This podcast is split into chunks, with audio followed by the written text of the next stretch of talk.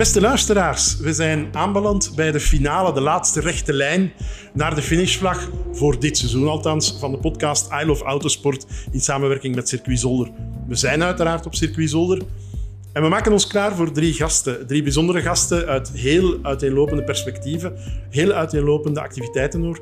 Drie mensen die racen, die geraced hebben, die schrijven over racen, die racen in beeld brengen, die leren racen.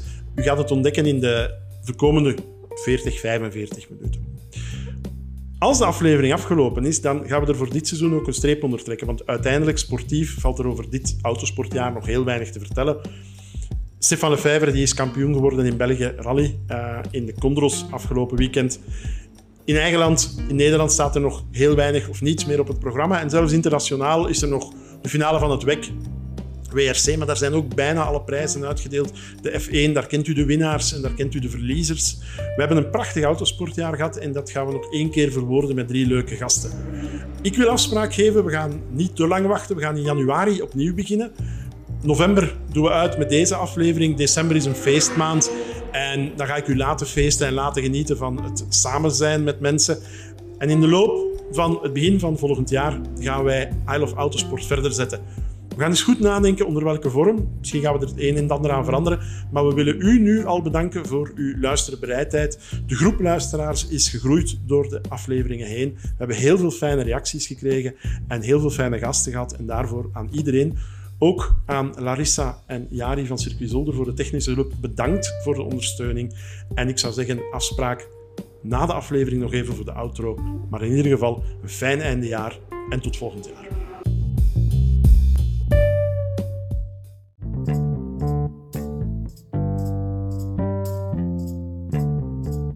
We zitten op zolder.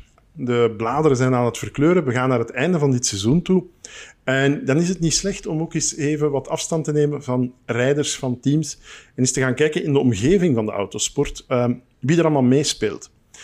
En waar dat je in de autosport zelf op, op uh, vlak van rally, van circuit, heel wat jonge mensen hebt, heb je die in de perifeer, zeg maar bij de organisatoren, uh, fotografen, mensen die bezig zijn met media en dergelijke, heb je die mensen ook. Jonge mensen die willen en durven investeren in autosport. En een van die jonge mensen heeft een heel bekende achternaam. Jeff van de Ven, goedemorgen. Goedemorgen, Welkom. Jeff, ja, ik ga je inleiden. Jij bent de zoon uiteraard van Hans van de Ven. En dat moet bij heel veel mensen een belletje doorrinkelen. Hans, uh, jouw papa, is al heel veel jaren bezig met moto- en autosport op circuit. Zowel actief, want hij heeft zelf ooit gereden, uh, denk ik op twee wielen en op vier wielen. Maar vooral dan bekend van de organisatorische kant. Uh, vandaag nog met de, met de tweewielers, met de motoren, met de motorsportschool in Zolder. Maar ondertussen ben jij 25 en ben je je eigen stappen gaan zetten in die autosport. Je hebt gereden, we gaan daar later in het gesprek op terugkomen. Maar je bent vooral dagdagelijks met autosport bezig op een heel andere manier. Stel jezelf eens voor en wat doe je eigenlijk exact? Als je dat zou moeten vertellen aan een groep mensen die vraagt, wat doe jij eigenlijk dagdagelijks, uh, professioneel? Wat is jouw bezigheid? Ja, uh, ik doe dus eigenlijk vooral de digitale media voor uh, verschillende racing-series, maar ook racingteams en rijders binnen de autosport. Um, denk de mensen die mij kennen, zullen mij voornamelijk kennen van bijvoorbeeld de Porsche Carrera Cup, de Sprint Challenge, maar recent ook de BMW M26 Racing Cup. Um, en daarlangs ook meer als hobby tegenwoordig. hou me ook nog bezig met uh, rijinstructeur voor Petrolhead Days. Wat ik ook samen met mijn vader en Niels Schoenmakers ben opgestart. En dan een beetje op de achtergrond probeer ik ook nog mijn unief af te ronden en af en toe een race mee te pakken. Ja, je bent dus nog aan het studeren, ik denk in Maastricht, als ja, ik me niet vergis. Dus die studies combineren moeten we toch proberen afmaken. Um, ik mag dat zeggen, ik ben ook iets ouder, een beetje. Toch de studies proberen afmaken, jongen. Um, maar, maar als je zegt sociale media, Jij komt op een circuit, want wij kennen elkaar uiteraard, um, onder meer vanuit de Porsche Carrera Cup. Jij komt op een circuit aan, laten we zeggen donderdag. Er is Carrera Cup uh, vrijdag met de vrije trainingen, zaterdag, zondag met kwalificatie en races. Wat doe jij concreet daar? Ja, dus wat wij eigenlijk proberen te doen is, ik ben ook altijd daar met een fotograaf en met een videograaf. Um, dat is eigenlijk mijn mediacrew. En wij proberen eigenlijk gewoon het weekend zo goed mogelijk in beeld te brengen. Dus ik heb natuurlijk de livestreams die de mensen kunnen volgen. Um, voor de races live te bekijken. Maar wij proberen ook via sociale media, dus Facebook, LinkedIn, Instagram, um, ook te brengen wat er rond het circuit gebeurt. Uh, dus wij, proberen, uh, brengen natuurlijk de standings uh, op een leuke visuele manier. maar we maken ook video's van wat de rijders doen als ze niet op het circuit zitten. Ehm, en wij proberen eigenlijk gewoon ook zoveel mogelijk content te maken die de rijders zelf kunnen delen op hun eigen kanalen. En zo kunnen, hebben ze iets om te laten zien aan hun fans, maar ook aan hun sponsoren. Want ik denk de dag van vandaag wordt het toch belangrijk en belangrijker om toch in te spelen op die sociale media. Ehm, ook als je ziet wat voor marketingwaarde dat je eruit krijgt tegenover traditionele media. Ik als je op tv wilt komen, is het al snel heel duur. En om ons als mediacrew in te huren uh, en het dan zelf op jouw kanaal te posten, is dat relatief uh, veel minder geld. Ja, dat is een heel verschil met, laten ons 30 jaar teruggaan in de tijd, uh, toen ik wat jonger was, of 25 jaar, en ongeveer jouw leeftijd had. Als ik een autosportwedstrijd wilde zien, ja, dan moest ik afstemmen op een BBC voor, voor BTCC bijvoorbeeld, of Formule 1, op, uh, als ik wat geluk had, op RTBF. Vandaag wordt autosport eigenlijk veel meer naar de mensen gebracht. Mm. Onder meer via die sociale media, via YouTube ook. YouTube is daar een, een heel, mooie, uh, een heel mooi voorbeeld van. Ik hoef niet te wachten tot een live-uitzending van een of andere uh, gevestigde waarde van een sportzaal of zo. Nee, ik kan dat YouTube-kanaal uh, eigenlijk zelf gaan lanceren. Hoe belangrijk denk je dat dat geworden is? En gaat dat nog groeien, dat belang van die sociale media? Wordt dat nog belangrijker, belangrijker bijvoorbeeld voor mensen die jonger zijn dan jij? Ik ga maar iets zeggen, TikTok en, en, en dat soort zaken? Ja, ja, ik denk dat we nu vooral zien bij, eh, dus ook in series zoals de Ford Fiesta Cup of de Mazda Cup, waar heel veel ook jongere mensen aan meedoen, dat het daar uh, ook heel interessant is voor die jongere rijders, die er zelf ook mee bezig zijn. En je hebt nu die generaties die meer met uh, sociale media bezig zijn, die worden ook ouder en die beginnen ook meer misschien een eigen bedrijf te starten en ook als gentleman mee te doen in veel racing series. En ik denk dat het ja, inderdaad, zoals je zegt, alleen maar belangrijker gaat worden. Uh, omdat het ook uh, relatief goedkoop is om je race, je, race te laten zien via je eigen kanalen.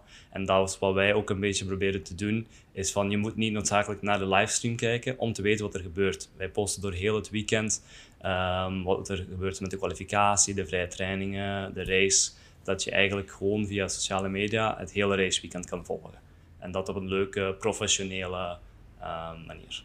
Ja. Jij doet dat niet alleen voor uh, series of voor de motorsportschool op twee wielen, maar ik heb begrepen dat jullie ook wel mikken op individuele rijders die op dezelfde manier dan hun eigen sociale kanalen gaan, gaan gebruiken als promotie. Ja, ja het is eigenlijk begonnen um, begin dit jaar, uh, terwijl, wat voor ons eigenlijk het off-season was hadden wij de aanvraag gekregen van verschillende rijders en teams om mee te gaan naar de 24 uur van Dubai. Om daar eigenlijk coverage voor hun te doen. Uh, teams die meededen naar Porsche Carrera Cup bijvoorbeeld of aan de BMW Cup, die zagen van het is wel leuk wat jullie doen, kunnen jullie ook niet voor ons doen? Um, en dan zijn wij naar Dubai gegaan en hebben daar coverage gedaan voor uh, verschillende teams en rijders. En toen zag ik zelf ook wel van kijk, hier zit meer in dan alleen de series. En daarmee zijn we dat een beetje beginnen uitwerken, waar we ook die coverage um, naar de teams en naar de rijders doen. Want ik denk vooral naar rijders toe is het toch wel belangrijk als je een beetje um, iets wil teruggeven aan je sponsoren, maar ook een fanbase wil opbouwen, is het enorm belangrijk dat je wel inzet op die sociale media. Want dat is het makkelijkste voor de mensen om je gewoon te volgen en dan je seizoen te volgen. Je bent uiteraard autosport- en motorsportliefhebber. Je bent ook opgegroeid in een nest waar uh, twee- en vierwielen wel eens aan bod kwamen. Um, ik herinner mij jouw vader nog van de mini-challenge. Ik denk dat jij toen, ik denk, amper geboren was, uh, of, of, amper kon lopen in ieder geval. Um, hoe komt het eigenlijk met een zo gedreven vader qua, qua auto- en motorsport, dat we jou niet van je vijf in een kart hebben gezien? Dat is, want je, je rijdt, je hebt onder meer de 24 uur van Zolder uh, meegereden of daaraan deelgenomen maar je bent niet van heel klein, heel klein eigenlijk uh, voorbestemd om te gaan eenzitten rijden en, en in karting geduwd. Nu, ik heb wel uh, eigenlijk gekart toen ik jonger was, maar ik heb dat nooit uh, lang genoeg gedaan, um, omdat we zijn ook verhuisd op een gegeven moment en toen is er eigenlijk niet echt meer van gekomen. Um, en waren mijn interesses lagen er ook eigenlijk niet meer. Um, ik heb in mijn middelbaar was ik totaal niet into auto's. Maar het is pas van dat moment dat ik uh, naar de universiteit ben gegaan. En toen zei mijn vader ook van, kijk, leuk dat je naar het UNIF gaat, maar je gaat ook wel iets anders doen dan alleen uh, studeren en drinken. Ik wil ook dat je iets meer doet daarbuiten. En toen zijn we eigenlijk uh, Petrolhead Days opgestart, samen met Niels Schoenmakers. Um, en dan ben ik ook zelf als instructeur beginnen werken, omdat ik wel die kaartachtergrond had en ik wist een beetje hoe ik aan de stuur kon trekken. Um, en vanuit daar, van dan in die auto te zitten en je komt in de wereld van motorsport en dan ben ik ook beginnen beseffen van wat mijn vader eigenlijk allemaal doet. Want toen ik jonger was, was hij, hij is van een van de hardst werkende mensen die ik ken. Ik, ik zag hem ook niet superveel. Um, maar dan kom je in die wereld van motorsport en dan zie je eigenlijk pas van wat mijn vader allemaal bereikt heeft. En ik heb daar enorm veel respect voor. Um, het is een grote schoen om te vullen. En het is pas sinds die moment dat ik echt zie van oké, dit, dit wil ik meer doen, dit wil ik ook doen. En dan ben ik beginnen kijken van kijk, wat kan ik doen eerst om mijn uh, vaardigheden uh, wat, wat beter te maken. Want ik wil, als ik dan ging racen, dat ik het ook wel goed kon doen. Um, en dan ben ik eigenlijk sinds dit seizoen begonnen met uh, de Fun Cup. En heb ik daarna ook de kans gekregen om met het team van Gino Kenis ook de 24 uur van Zolder mee te rijden. Wat wel een super ervaring was. Ja, een beetje jammer genoeg vroegtijdig geëindigd door een, een, incident van een van je teamgenoten. Um, maar dat zit er ook wel in om als, want ja, je beseft waarschijnlijk ook op je 25 professioneel rijder, uh, laten we zeggen Laurens van Toor of, of Stoffel van Doornen, dat zit er uiteraard niet in als je daar later in gaat. Maar je wilt wel af en toe achter het stuur kruipen. Ja, ik denk ook in wat wij doen um, met mijn bedrijf is het ook wel belangrijk dat ik snap wat er in de rijders omgaat. Uh, ik snap nu heel goed dat tijdens een raceweekend zit je niet op je gsm en wil je ook niet dingen gaan posten op sociale media. Je bent bezig met die data te bekijken. Hoe kan ik die laatste seconde of tiende vinden? Um, en dat proberen wij dan ook een beetje over te nemen van die mensen. En ik denk door um, zelf te racen, snap ik mijn doelpubliek ook beter. Maar het is ook gewoon iets wat ik enorm graag doe. En ik heb nu die um, zin om daar meer aan te doen. En daarmee, als ik uh, de kans krijg om meer races te doen, dan ga ik daar zeker voor gaan. Maar het is wel iets dat een beetje aan de kant staat van uh, wat we nu doen. Ik probeer hem eerst even mijn wat ik nu gestart ben op te bouwen. En daarlangs, als dan de kans zit om nog te racen, dan uh, ga ik er uh, zeker voor gaan. Ja, grote schoenen om te vullen. Dat zal wel als zoon van Hans van der Ven. Um, maar er komt heel veel passie van jullie uit. Um, want jullie hebben ook wel wat pech gehad dit jaar met het team in Barcelona, met een incident of een inbraak. En, toch blijven verder vechten. Jullie zijn altijd uh, eigenlijk op een positieve manier aanwezig. Um, ik zou zeggen, heel veel succes nog uh, met alles wat je doet. Uh, in de winter voorbereiden op het, het nieuwe seizoen 2023. En hoop dat jullie zeker in verschillende series terug aanwezig zullen zijn. Bedankt, chef, voor de komst. Dankjewel. Op circuit Zolder wordt al een aantal jaar uh. Ja, we kunnen 60 jaar teruggaan in de tijd. Uh, dat is altijd gebeurd, of dat is grotendeels alleen gebeurd met klassieke verbrandingsmotoren. Maar dit jaar hebben we op circuit Zolder ook de eerste stappen gezien naar geëlektrificeerde autosport. De FIA ETCR, dus de elektrische toerwagens, zijn langsgekomen met succes voor Maxi Martin. En in de perifeer daarvan, daar rond, uh, begint circuit Zolder ook met een ander experiment of met een ander initiatief. Het circuit doet dat niet zelf. Ze zijn ervoor gaan samenwerken met iemand die heel bekend is in de Belgische en Nederlandse autosport, Xavier Maassen. En Xavier Maassen die zet op circuit Zolder in, ik ga het hem zelf volledig laten uitleggen, op een opleidingsproject met elektrische auto's. Denk, Xavier, dat ik dat heel kort, zonder te veel prijs te geven, mooi heb samengevat. Jij gaat mensen opleiden met elektrische auto's. Kan je dat eens breder kaderen voor onze luisteraars? Ja, het is eigenlijk begonnen met de ontwikkeling van de ERA Championship en de ERA, de Mitsubishi, uh, Mitsubishi uh, racewagen. En eigenlijk een Doom Formule 4, maar dan met een elektrische aandrijving, die ontwikkeld hier is in België in, uh, in Zonhoven. Die auto heeft ook in het kader effectief gereden van het VIA ETCR in het voorprogramma uh, als zijn de ERA Championship. Maar er lagen wat ambities vanuit kampioenschap, maar ook vanuit circuit Zolder om ook een klassieke racing school uh, te starten. Uh, daarvoor ben ik toen in eerste instantie door Rudy Penders benaderd. En dat balletje is langzaam beginnen te rollen. Dan spreken we inmiddels al bijna over twee jaar geleden. en inmiddels hebben we ja, het hele bedrijf staan hier in, in Zolder. Bij de blauwe trap hebben wij onze lounge. We hebben een permanente, permanente boxen waar we een, een zevental uh, Formule 4's hebben staan. Waarmee we inderdaad een racing school starten. Ik heb zelf ooit mijn carrière gestart na een aantal jaren karting met uh, de racing school in Silverstone. Uh, heb daar enorm veel geleerd. De basis echt goed geleerd van wat autosport inhoudt. Wat de theoretische benadering is van de ideale lijn. Waarom is de ideale lijn de ideale lijn? Uh, wagenbeheersing, al dat soort zaken hebben mij heel veel en zelfs tot, tot de dag van vandaag gebracht waar we zijn.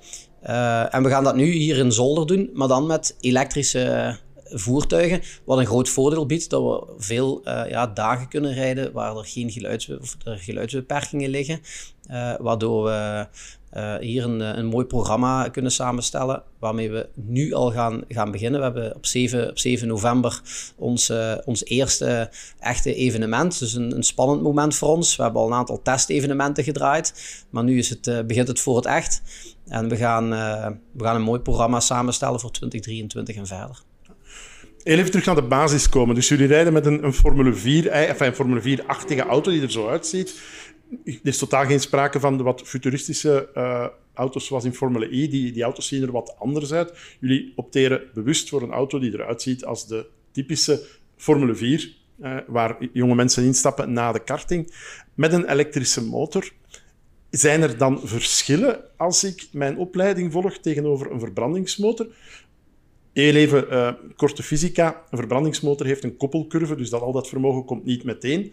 Een elektrische motor, hoe klein ook, levert al zijn vermogen in één keer. Moet je dan anders leren rijden en is dat dan compatibel als ik daarna terug wil gaan klassieke tourwagens gaan doen of zoals jij uh, Porsche Carrera Cup? Is dat moeilijk, die overgang? Of zeg je nee, dat, dat wordt uitgevlakt? Nee, dat wordt eigenlijk uh, heel duidelijk uitgevlakt. De, de basis van, uh, van, de, van de racing school blijft, hetzelfde. de beleving in de auto is exact dezelfde als je met een verbrandingsmotor rijdt in een Formule 4 of met deze elektrische motor.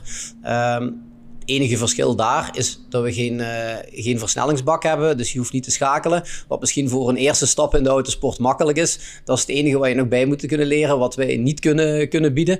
Um, maar verder uh, is het uh, een hele klassieke racingschool. Waarin we echt de opleiding geven om te leren te racen. Dat gaan we ook doen met, met stappen om leren inhalen. Hoe moet je inhalen? Waar moet je op letten bij inhalen? Wat zijn de gevaren bij het inhalen? Hoe moet je je duidelijk positioneren? Al dat soort zaken. En dan maakt het eigenlijk eigenlijk helemaal niet uit of dat inderdaad met een elektrische auto is of met een gewone auto. Uh, we zijn wel aan het kijken, omdat we zien in ERA Championship, uh, waar er met een beperkte hoeveelheid energie wordt gereden en je een hele wedstrijd met die energie moet rijden, dat je op een andere manier moet gaan racen met een elektrische auto. Dat gaan we denk ik in onze advanced programma's gaan we daar wel een stukje van meegeven. Van hoe kun je niet alleen enkel gewoon hard rijden met die auto, maar hoe kun je ook over een wedstrijd de energie juist verdelen en een stukje energiemanagement leren. Uh, maar dat gaat zeker alleen pas in de, in de geavanceerde programma's zijn. In de basis uh, racing school programma's gaan wij gewoon naar de basis kijken van een opleiding in autosport. Ja. Uh, jullie rijden met een zevental auto's, of jullie werken met een zevental auto's. Het feit dat die overstap, die transitie er nu ten dele is naar elektrische voertuigen. Je zegt, er is geen versnellingsbak. Uh, bijvoorbeeld, maakt dat dat die auto's makkelijker te onderhouden zijn? En dat spreek ik niet alleen voor de ERA Racing School, maar voor het hele eenzitter gebeuren, laten we zeggen, op instapniveau, zou dat kunnen de drempel terug wat naar beneden halen? Want bijvoorbeeld een F4-seizoen internationaal is eigenlijk niet meer te vergelijken met Formule Ford van destijds. Dat is vrij duur geworden. Ja, autosport, uh, de, de kosten stijgen, stijgen overal. Uh, zeker in de autosport ook de laatste jaren. F4-prijzen uh, zijn, zijn enorm hoog. En ik moet zeggen dat, dat de ERA Championship daar heel competitief in is om een zitje te bieden voor een volledig kampioenschap. Ze hebben dan ook nog de deal samen met VIA ETCR, dus Eurosport Live uitzendingen. Dus dat is een heel mooi pakket eigenlijk voor een fractie van de prijs van wat een Formule 4 seizoen kost. Ze zitten wel meer in het vaarwater van bijvoorbeeld een Frans F4 seizoen, uh, waar je ook een soort arrive and drive systeem hebt. Dat hebben ze hier ook. Uh, Plus ze zijn in het ERA Championship ook nu aan het, goed aan het kijken met, met partners om, uh, om te zorgen dat er ook zitjes effectief met scholarships worden aangeboden, wat het nog interessanter maakt en de, en de drempel om zo'n kampioenschap te kunnen rijden nog lager gaat maken. Je hebt met die auto al gereden, want je bent ook ontwikkelingspiloot uh, en je hebt ook een ronderecord hier in, in Zolder neergezet. Hoe, om een Vlaams woord te gebruiken, plezant is het rijden met zo'n elektrische racewagen? Want sommige ja, sommige petrolheads uh, ja, zijn een beetje afkerig uh, van, van elektrische autosport. Uh, ik denk dat je meer moet openstaan voor alle vormen. Is het leuk om met die auto te rijden? Ja, het gekke is, in de auto merk je eigenlijk totaal geen verschil ten opzichte van een auto met een verbrandingsmotor. Buiten misschien de versnellingen die je, die je niet hebt, maar eigenlijk mis je dat niet. Ik denk voornamelijk dat het voor de petrolhead, en daar heeft de petrolhead denk ik absoluut gelijk in, daar ben ik er misschien ook zelf één van. Ik denk als toeschouwer dat het wel een emotie mist het geluid gewoon van de motoren. Maar eens je in de auto zit, je hebt toch een helm op, je hebt vaak oordoppen in of communicatie in. Dat geluid, zeker van een F4, wat een 1,6 liter motor is, dat is ook niet heel erg speciaal. Uh, je, je, je hebt het geluid van de elektrische aandrijving, maar je hebt de beleving in de auto gewoon van een racewagen, volledig. Of dat nu een elektrische is of een uh, benzine aangedreven motor is, dat maakt eigenlijk geen verschil uit in die auto. De beleving blijft hetzelfde. Ik denk enkel de beleving voor de toeschouwer op het circuit, dat dat wel iets is waar waar je ja, een emotie toch mist. Maar daar heb je in de auto echt helemaal geen last van. Anderzijds, het maakt het wel gemakkelijk voor zeker circuits zoals Zandvoort, Assen, Zolder, waar er een sociale problematiek is met geluid. Het maakt het gemakkelijk om te blijven actief zijn. Ook op dagen dat er geen geluid mag gemaakt worden. Jullie kunnen, je hebt dat gezegd, perfect opleidingsdagen voorzien op een dinsdag of op een woensdag. Ja, we kunnen eigenlijk uh, juist op die dagen actief zijn, want uh, vaak uh, kunnen ze en mogen ze het circuit op die dagen ook niet verhuren aan andere uh, potentiële klanten. En wij maken juist gebruik van die dagen, ook voor circuit Zolder natuurlijk. Belangrijk om hun circuit zo effectief mogelijk uh, te vullen en alle dagen het circuit te kunnen gebruiken op diverse manieren. Ik denk dat Zolder daar al jaren mee bezig is, onder andere met het fietsen natuurlijk, wat op de, in de avonden gebeurt. Maar hier opnieuw ook hebben we een hele mooie samenwerking gevonden, waar er natuurlijk ook voor het circuit een, een groeimodel is voor in de toekomst andere dagen zonder uh, of met geluidsbeperking uh, ook te kunnen, te kunnen verhuren.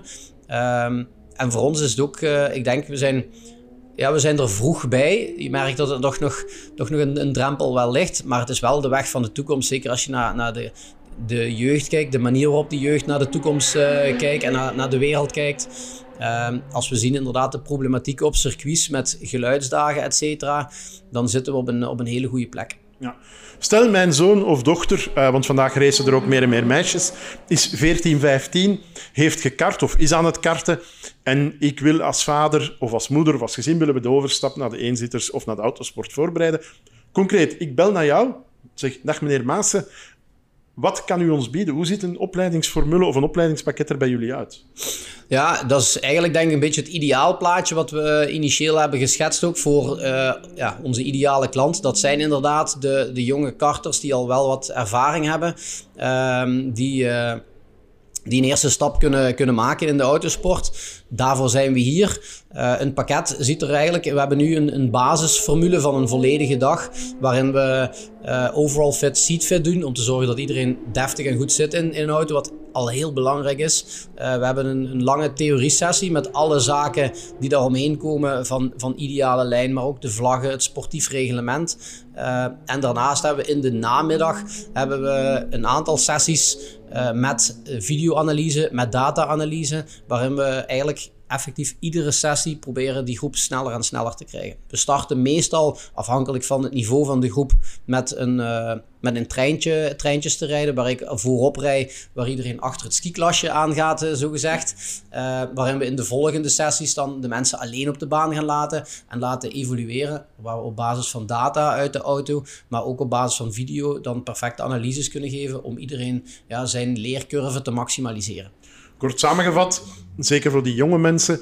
Uh, mijn zoon-dochter rijdt in Genk al jaren karting, rijdt ook wat competitie. Ik wil die overstap maken. Ik hoef dus helemaal niet naar Portimao of naar Dubai te gaan. Ik kan hier in Zolder perfect met jou, met jullie school, de Era Racing School, met elektrische eenzitters die eruit zien als een gewone Formule 4, die overstap, die transitie voorbereiden. Dat is eigenlijk uh, wat dat jullie aanbieden. Ja, ik, denk belangrijker, het, is, het is breder. Wij willen echt de, de opening zijn en de, de overstap zijn. Een eerste ja, voelsprieten uitzetten. We willen ook heel duidelijk door mijn 20 jaar ervaring in autosport een eerlijk beeld geven van autosport. Welke verschillende types klasses zijn er? Wat zijn de verschillende carrièrepaden? Wat, wat zijn de bijbehorende kosten bijvoorbeeld van die carrièrepaden? Eh, willen we uh, richting Formule 1? Ja, goed, dan hebben we de klassieke weg in, inmiddels van Formule 4, Formule 3, Formule 2. Maar je kunt daar ook heel duidelijk de budgetten aan plakken, wat de mensen een eerlijk beeld geeft wat die weg kost. Wat alternatieven zijn in Formule, Formule Renault of de, de Formula Regional tegenwoordig. daar kunnen we ook tegenover zetten de TCR-kampioenschappen, de, de, de andere toerwagenkampioenschappen, GT's. Dus wij willen een eerlijk beeld geven, een duidelijk beeld geven aan mensen die in de wereld van de autosport terechtkomen, wat de diverse mogelijkheden zijn, buiten uiteraard de opleiding die we geven om te leren racen. Oké, dat is duidelijk. Xavier, uh, heel veel succes met het verhaal van de ERA Racing School. Ik hoop dat jullie heel veel dagen gaan kunnen vullen met jonge en minder jonge talenten. En dat heel veel mensen kennis maken met de elektrische eenzitter Formule 4. Die overigens, en daarmee rond de kaf, ook hier in Limburg ontwikkeld is. Ja. Dankjewel. Aan alle liedjes komt een einde, aan hele mooie liedjes ook. En ook de podcast I Love Autosport sluit, althans voor dit jaar, wij komen terug in het nieuwe seizoen. Dat beloof ik nu. Maar wij sluiten het seizoen, het autosportseizoen af. U weet ondertussen dat uh, Stefan Lefevre Belgisch kampioen rally is geworden. De circuitcompetities lagen al langer stil. En op één of twee internationale competities na is ook wereldwijd de autosport stilaan in zijn winterslaap aan het sukkelen of aan het uh, gaan. Om het seizoen af te sluiten heb ik iemand uitgenodigd uh, voor wie ik professioneel ook heel veel respect heb en ook menselijk. Uh, een collega van mij, René de Boer, Nederlandse autosportjournalist, een, werkelijk een uh, internationaal gerenommeerd iemand. En we gaan het iets langer als de gewone gasten hebben over dit seizoen, over dit autosportseizoen. Laten we zeggen een eerste post-COVID-seizoen, alhoewel dat de, de kalender nog wel wat beïnvloed is geweest door die COVID, die ons twee jaar lang geteisterd heeft. En René is iemand die ook van heel veel markten thuis is. Of dat nu WRC is, DTM, WEC, 24 uur van Spa, Le Mans en zo verder. Uh, je komt hem overal tegen. René, ik ga je zelf kort vragen om je in te leiden voor onze Vlaamse luisteraars. Um, wie ben je en wat doe je autosportgewijs dan? Uh, ja, bijna, je zou bijna kunnen zeggen wat doe ik niet. Maar uh, ik ben inmiddels in mijn uh, 31ste seizoen als, als internationaal... nee, 32 seizoen als internationaal autosportverslaggever. Jong begonnen. ik zat nog op school, maar had ja, autosport altijd al als hobby sinds nou, mijn vroegste jeugd. En ben toen begonnen voor een lokale krant over wat coureurs uit de buurt te schrijven. En dat eigenlijk meer en meer verder. En uh, in eerste instantie ben ik uh, begonnen accountancy te studeren. Ik dacht dat ik uh, die kant uit wilde, maar vond uiteindelijk de autosport veel leuker. En een heleboel mensen zeiden ook van ja, als je daar niet zelfstandig in verder gaat, dan als je nu die kans niet pakt, dan doe je nooit meer. Dus dat heb ik gedaan. Ben zelfstandig geworden als autosportjournalist en ja, doe dat inmiddels dus ruim 30 jaar. Met heel veel plezier. Schrijf voor media, publicaties online en, en in print in binnen- en buitenland ben uh, al, denk ik, ja, ruim 25 jaar de correspondent in Duitsland voor het uh, Engelse weekblad Autosport. natuurlijk wel bekend wereldwijd in, in de sport. Ik ben de Europese correspondent voor het daar niet aan gerelateerde Japanse blad Autosport. Een tweewekelijks magazine. Ook altijd een plezier om voor de Japanners te werken. Ik kan het weliswaar niet lezen, dus ik moet er altijd maar van uitgaan dat het goed is wat, wat ik terugkrijg als ze het blad sturen. Maar altijd wel heel mooi om te zien.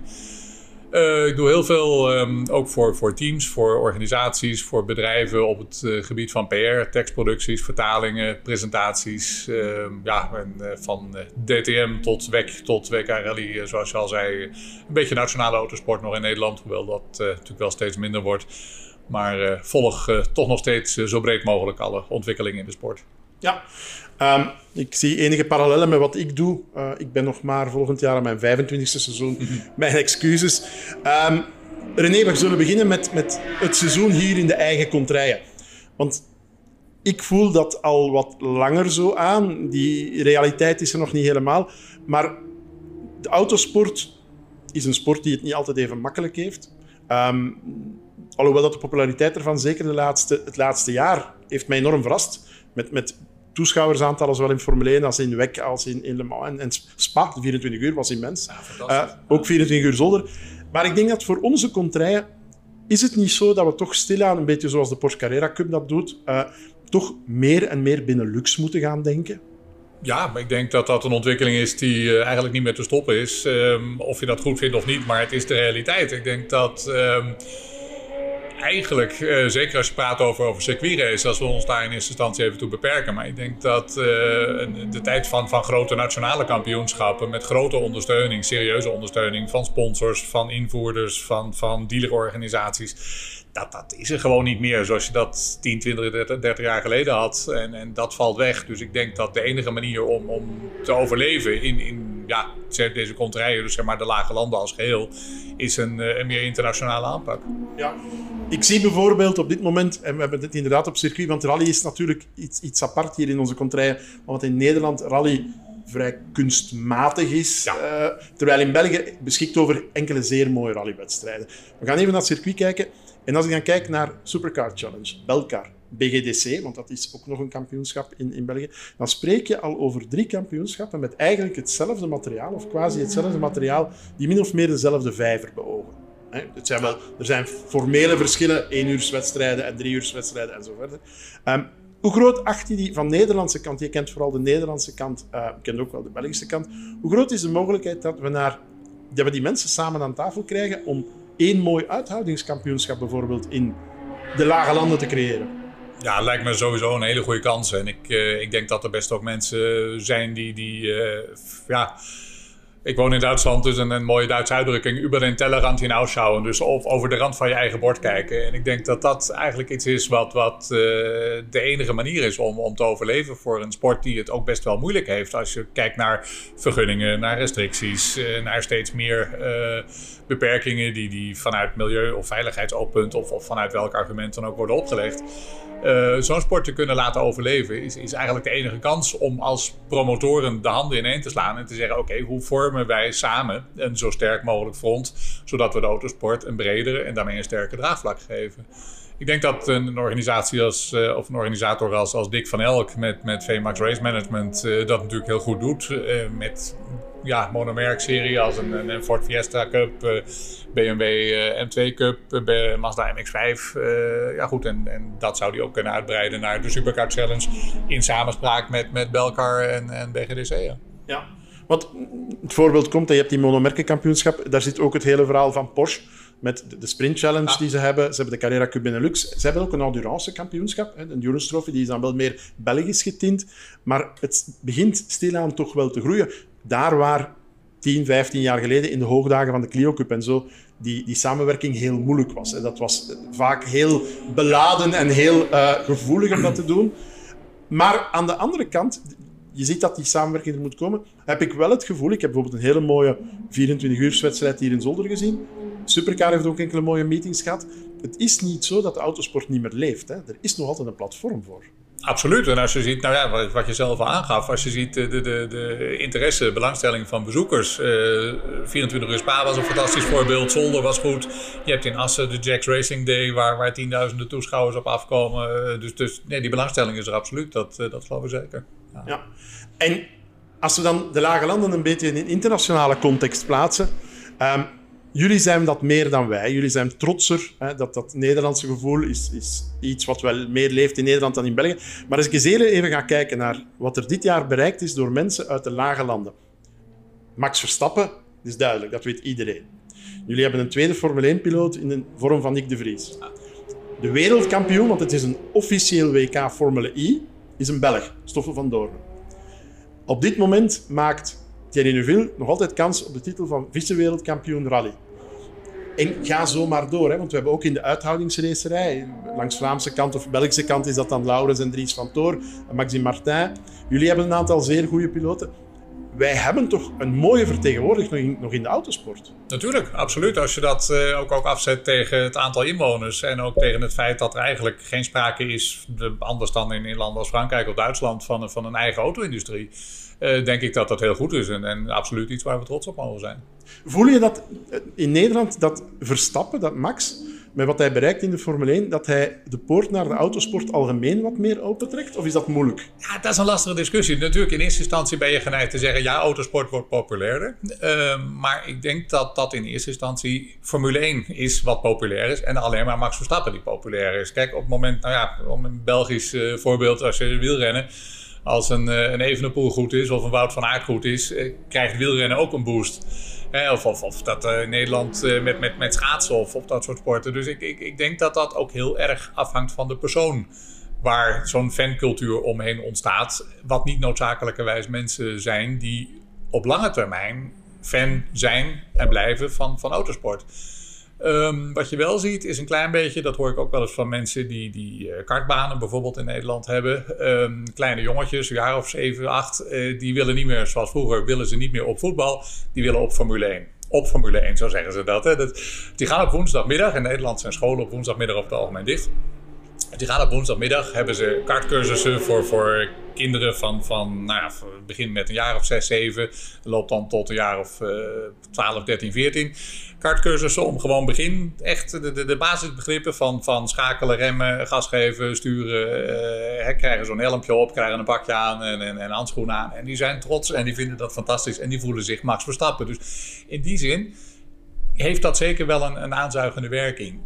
Dan is de volgende vraag: hoe ga je met die mensen verder? Blijven die op een indoorkaartbaan? Gaan die een keer buiten karten? Nou ja, dat is natuurlijk al een hele, hele andere ervaring. Dus, dus krijg je die daar ook in verder. En als dat zover is, krijg je die ook als, als potentiële deelnemers voor autosport in de toekomst. En dat is natuurlijk een hele lastige discussie, want ja, anders dan voetballen, dan koop je een paar schoenen en een, en een shirt en een broekje en klaar. Of als je wilt tennissen, dan koop je een racket en, en dan ben. Autosport of karting in eerste instantie om mee te beginnen is gewoon heel kostbaar. Dus de vraag is, krijg je daar een, een betaalbare instapklasse of een, een instapniveau om dan na die karting eventueel die vertaalslag te maken richting, richting autosport. En dat is nou ja, de tijd dat ik begonnen ben als journalist. Begin jaren 90 had je Nederlands en Benelux kampioenschap Formule Ford. En daar had je natuurlijk grote teams met, met vrachtwagens en trailers en dat soort dingen, was er al. Maar er waren ook gewoon rijders die op donderdagavond of op vrijdagochtend uh, met hun, hun Formule Fortje op een trailer achter hun gewone normale straatauto naar het circuit reden. Of naar Zolder of naar Zandvoort of Spa of waar dan ook. Trailer eraf, samen met vrouw, vriendin en misschien twee, uh, twee, twee vrienden. Um, andere wielen erop, auto uh, klaarmaken en gingen daar gewoon mee racen. En gingen daar op zondagavond weer mee naar huis. En hadden net zoveel plezier en konden ook gewoon vooraan meerijden. En voor budgetten, nou ja, praten misschien over, over 25, 30.000 euro, waar ze een heel seizoen mee reden. Dat bestaat nu niet meer. Als je nu kijkt, als je wil starten in formulewagens, nou ja, heb je internationaal heb je Formule 4. Dan moet je kijken als je een, een seizoen, Duits Formule 4 of Italiaans of waar dan ook, ben je eigenlijk op normaal niveau, inclusief testen en al dat soort dingen, praat je minimaal over 250.000 euro. Dan praat je over jongens, meisjes van 15, 16 jaar. Vind dat maar eens. Hè? Ik bedoel, niet iedereen heeft natuurlijk zulke rijke ouders die zich dat kunnen permitteren. En het, het idee dat je daarvoor serieuze sponsoring vindt, is natuurlijk ongelooflijk moeilijk. Dus ik denk dat het maken van die vertaalslag, stijgende populariteit, ja, interesse voor de autosport, absoluut. Maar genereren we daardoor voor de toekomst meer deelnemers? Vind ik een hele lastige discussie. En dan kan je misschien verwijzen. We hebben net als gast uh, voor jou hebben we Xavier Maassen gehad, die met zijn elektrische Formule 4 hier in, in, in Zolder zit. En daar zijn de budgetten toch iets aanvaardbaarder. Ook omdat je ja, met een elektrische auto je kan geen motorpech hebben of weinig motorpech. De versnellingsbak kan niet stuk gaan, want die heb je niet. Um, en het is een, een beetje in het systeem arrive and drive, omdat je allemaal dezelfde autootjes hebt. Um, maar daar is wel nood aan. Wij hebben heel veel toerwagenklassen in, in, in de lage landen, monomerken, we hebben uithoudingsraces, allerhande in alle vormen. Maar de eenzittercultuur, die is verdwenen. En dat is wel een beetje een, een moeilijkheid, denk ik. Ja, en dat vind ik jammer. Moet ik echt zeggen dat als, als liefhebber uh, vind ik dat echt, echt betreurenswaardig. Je hebt natuurlijk in Nederland twee teams die op, op zeer serieus, zeer hoog niveau internationaal in de, in de, in de monoposto's acteren. Enerzijds Van Amersfoort Racing en anderzijds MP Motorsport. Rijden Formule 2 en Formule 3. Maar afgezien van een jongen als Cas Haverkort, uh, die ook door de Nederlandse federatie een beetje als, als talent ondersteund wordt, waar ik ook zeker wel potentieel in zie, zijn er geen Nederlandse rijders die op dat niveau verder kunnen of willen. Eh, je ziet dat, dat jongens die, die in de formulewagens, Formule 2, Formule 3 actief waren, en Ben Fiscaal en Tijmen van der Helm, die zeggen ja, oké, maar we hebben dat geld niet meer om verder te komen. En we zien er geen perspectief meer in. Dus wat doen die? Die stappen over naar de langafstandsracerij. Doen ELMS dit jaar, rijden deels weg. Eh, gaat goed. En zien daarin meer perspectief voor de toekomst dan geld te blijven steken in een formulewagencarrière. Waarin de vraag is waar je daar uiteindelijk uitkomt. Ja, dan komen we automatisch iedere sport heeft een federatie. Die hebben wij ook. We hebben de RACB, we hebben de KNAF. Eh, in Luxemburg is een federatie uiteraard, want een Benelux-gedachte. Um, met die, moeten de federaties dit momentum aangrijpen van toch wel wat stijgende interesse. We zullen het interesse noemen, misschien nog niet populariteit. En wat meer jonge mensen op kartingbanen. Is hier een rol weggelegd voor de federaties? Ik hoop dat. Ik, ik, denk eigenlijk dat de taak van een federatie zou moeten zijn: enerzijds het faciliteren van, van evenementen en het zorgen dat er een, een goede, faire sportieve competitie plaatsvindt. Uh, nou ja, dat veiligheidsregels en, een normale competitie gewaarborgd is. Maar anderzijds inderdaad het faciliteren van, van uh, ja, mogelijkheden. Um, om voor een betaalbare, op, op een betaalbaar kostenniveau een, uh, een instapklasse te genereren. Om, om zoveel mogelijk mensen voor die sport te winnen. Ja. Daar is dus een rol weggelegd voor die federaties. Um, anderzijds natuurlijk, je zegt van ja, bent fiscaal. Op dit moment, wij hebben uh, één iemand, één Belg in de Formule 2, Amelie Cordeel, en we hebben nog één Belg in de Formule 4 in de Franse Formule 4. Dus in België is de spoeling erg dun aan het worden. In Nederland zit er nog iets meer in. Maar wat je wel ziet, en dat is een beetje een, een, een toeval, is een toestroom van die mensen die inderdaad zeggen we stoppen Formule 3, Formule 2. Uh, Dries van Toor heeft dat bijvoorbeeld al gedaan na een eerste jaar in de Benelux voor Renault. Um, een piste die zich wel opent de komende jaren is de endurance racerij. We, kennen allemaal de situatie. Het uh, FIA WEC, IMSA hebben een soort van akkoord om twee gemeenschappelijke... Enfin, het zijn niet dezelfde regelgevingen, want je hebt LMDH en je hebt de hypercars. Maar de dingen kunnen samenrijden in ieder geval, dat is al goed dat we wereldwijd een platform krijgen. En plots krijg je een toestroom van niet alleen Toyota, Alpine in 2024 of een Glickenhaus, maar daar komen ook bij BMW, uh, Porsche, Ferrari, um, Cadillac, Cadillac Acura, Acura en, en zo verder. Dus je opent de weg naar heel wat meer professionele rijders, die dan weer de GT-racerij verlaten en je kan een instroom hebben. Um, dit is toch ook een heel goed of een, een heel goede evolutie voor de autosport. De komende twee, drie, vier en zolang dat het duurt. Want we weten ook, constructeurs komen en constructeurs gaan. En dat is een zekerheid. Dat is inherent aan de sport. En op het moment dat een uh, man die verantwoordelijk is voor de budgetten bij de Raad van Bestuur op maandag moet uitleggen waarom we wel 20 miljoen hebben uitgegeven, maar op zondag de dag daarvoor niet hebben gewonnen, dan is dat altijd een lastige discussie. Dus inderdaad, je hebt uh, natuurlijk, er zijn merken die qua traditie, een Ferrari, een Porsche, een Lamborghini, die qua traditie in de sport zitten. Maar er moeten wel resultaten komen. Dus inderdaad, als je, als je negen merken hebt, heb je er 18 verliezen. En die moeten hun verhaal wel kunnen vertellen. Ik denk dat het. Als liefhebber zeg ik: oké, balance of performance is een, is, een, is een lastig element. En ik ben niet in eerste instantie alleen maar positief daarover. Maar het zorgt er natuurlijk wel voor dat je een bepaalde mate van gelijkwaardigheid hebt. Waardoor ook merken die misschien met hun auto in eerste instantie niet erg heel grote kansen zouden hebben. Dat je die toch behoudt voor de sport en daarmee die continuïteit in ieder geval iets meer bevordert. Dus ik denk dat dat zeker positief is. En als je kijkt naar de, de toekomst en het perspectief van, van de, de lange ja, dat is natuurlijk fantastisch. Alle merken die je net al noemde.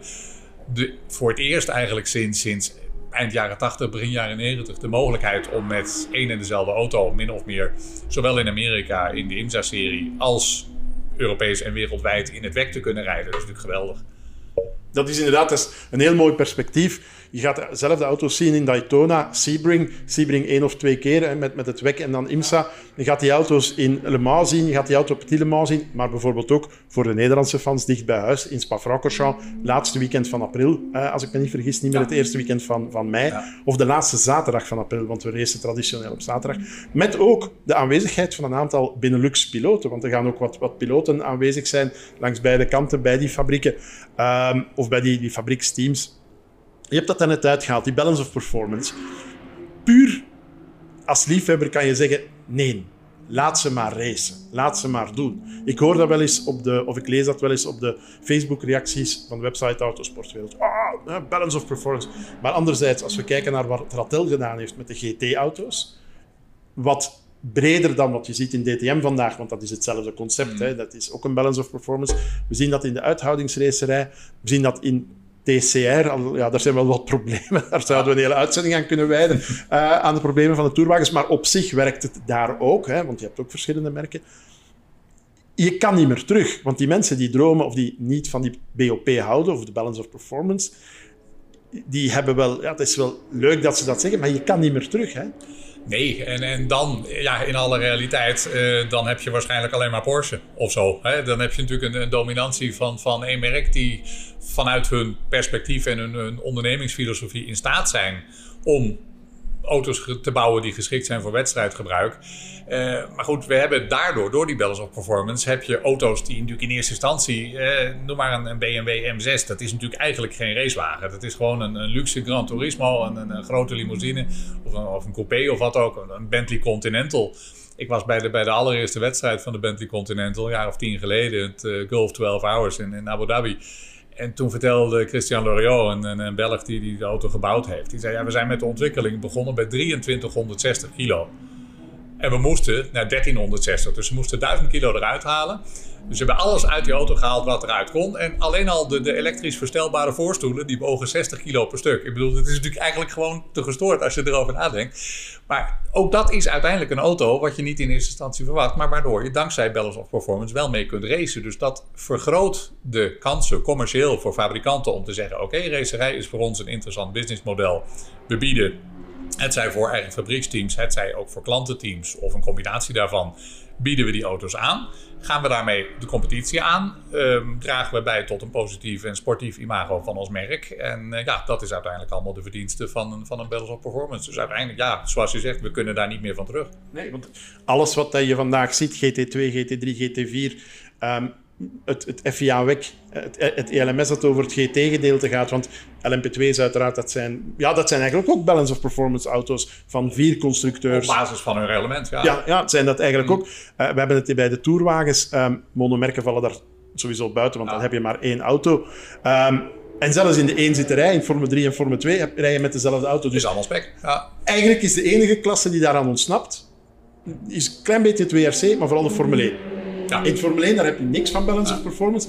En dat leidt, ik ga heel even de Nederlandse fans schofferen. Ja. Vorig jaar hebben we een leuk seizoen gehad met een spectaculaire afloop. Maar dit jaar ben ik als fan een beetje op mijn honger gebleven bij momenten. Ja, tuurlijk, dat is zo. Ik zeg ook als liefhebber liever eh, drie, vier, vijf teams die, die op gelijkwaardig niveau met elkaar kunnen strijden. En, en uh, met, met rijders die, die gewoon ieder weekend kunnen winnen. En dat je op, op, op vrijdag niet weet wie er dit weekend favoriet is. Um, ja, goed, maar dat, dat is zoals het is. Dat, dat verander je ook niet. Wat natuurlijk wel een interessante ontwikkeling is, je noemt dat Formule 1 is natuurlijk eigenlijk de enige klasse nog waar je vrije chassisontwikkeling en technologie en dat soort dingen hebt. Ook binnen grenzen van reglement, maar goed.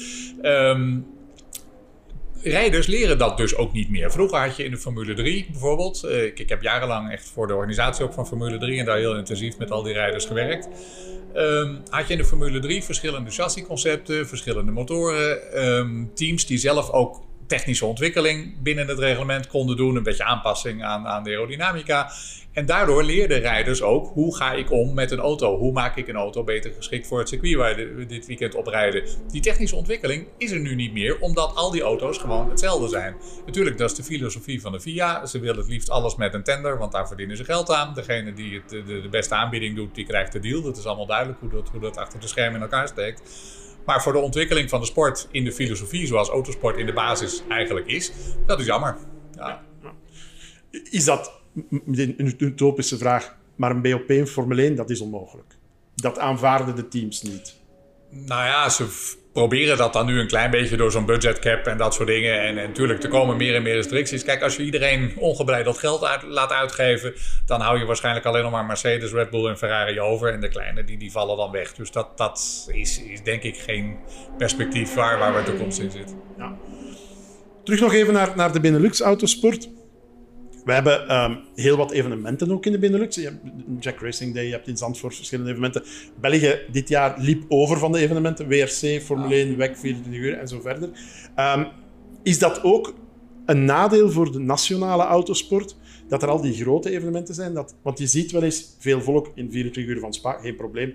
Jack Racing Day, geen probleem. Maar op gewonere evenementen, de kleinere evenementen, is dat een moeilijk gegeven. Is dat in Nederland ook zo? Ja, ik, uh, moet zelfs eerlijk zeggen dat er in Nederland nauwelijks nog, nog eigenlijk zoals je vroeger uh, paasraces, pinksterraces, uh, Trophy of the Dunes, dat soort dingen hebt. Dat, dat is er nauwelijks meer. Dat is, je hebt natuurlijk, nou ja, wat ik er zijn geen nationale kampioenschappen meer op het circuit in Nederland. Er zijn monomerkencups, goed, meestal als, als, als Benelux-klasse. Maar een, nationaal toerwagenkampioenschap of een nationaal Formule Ford kampioenschap of dat soort dingen, dat is er niet meer. En ik denk dat je daardoor... Um, Natuurlijk wel met, met evenementen van Supercar Challenge en zo, die, die doen dat goed. Uh, maar daar is niet het doel in eerste instantie om volle tribunes te krijgen. als daar, daar 5, 6, 7000 mensen zijn, dat zijn de liefhebbers die komen en dat is leuk. Maar meer wordt dat ook niet. Zo realistisch moet je dan ook gewoon zijn. Ja. Jij gaat je seizoen hier ook afsluiten of stilaan afsluiten. Maar je mag nog één ding zeggen. Jij start wel met een nieuwe liefde. Enfin, die liefde bestaat al lang. Maar iedere winter ga je naar een andere sport, als ik dat goed begrepen heb. Klein beetje. Ik, uh, ja, dat was vroeger meer. Daar, in eerst, ja, ik moet er ook van leven, dus het moet ook commercieel interessant zijn. Maar ik volg inderdaad ook al uh, ja, ruim 25 jaar uh, wereldbeker alpine skiën.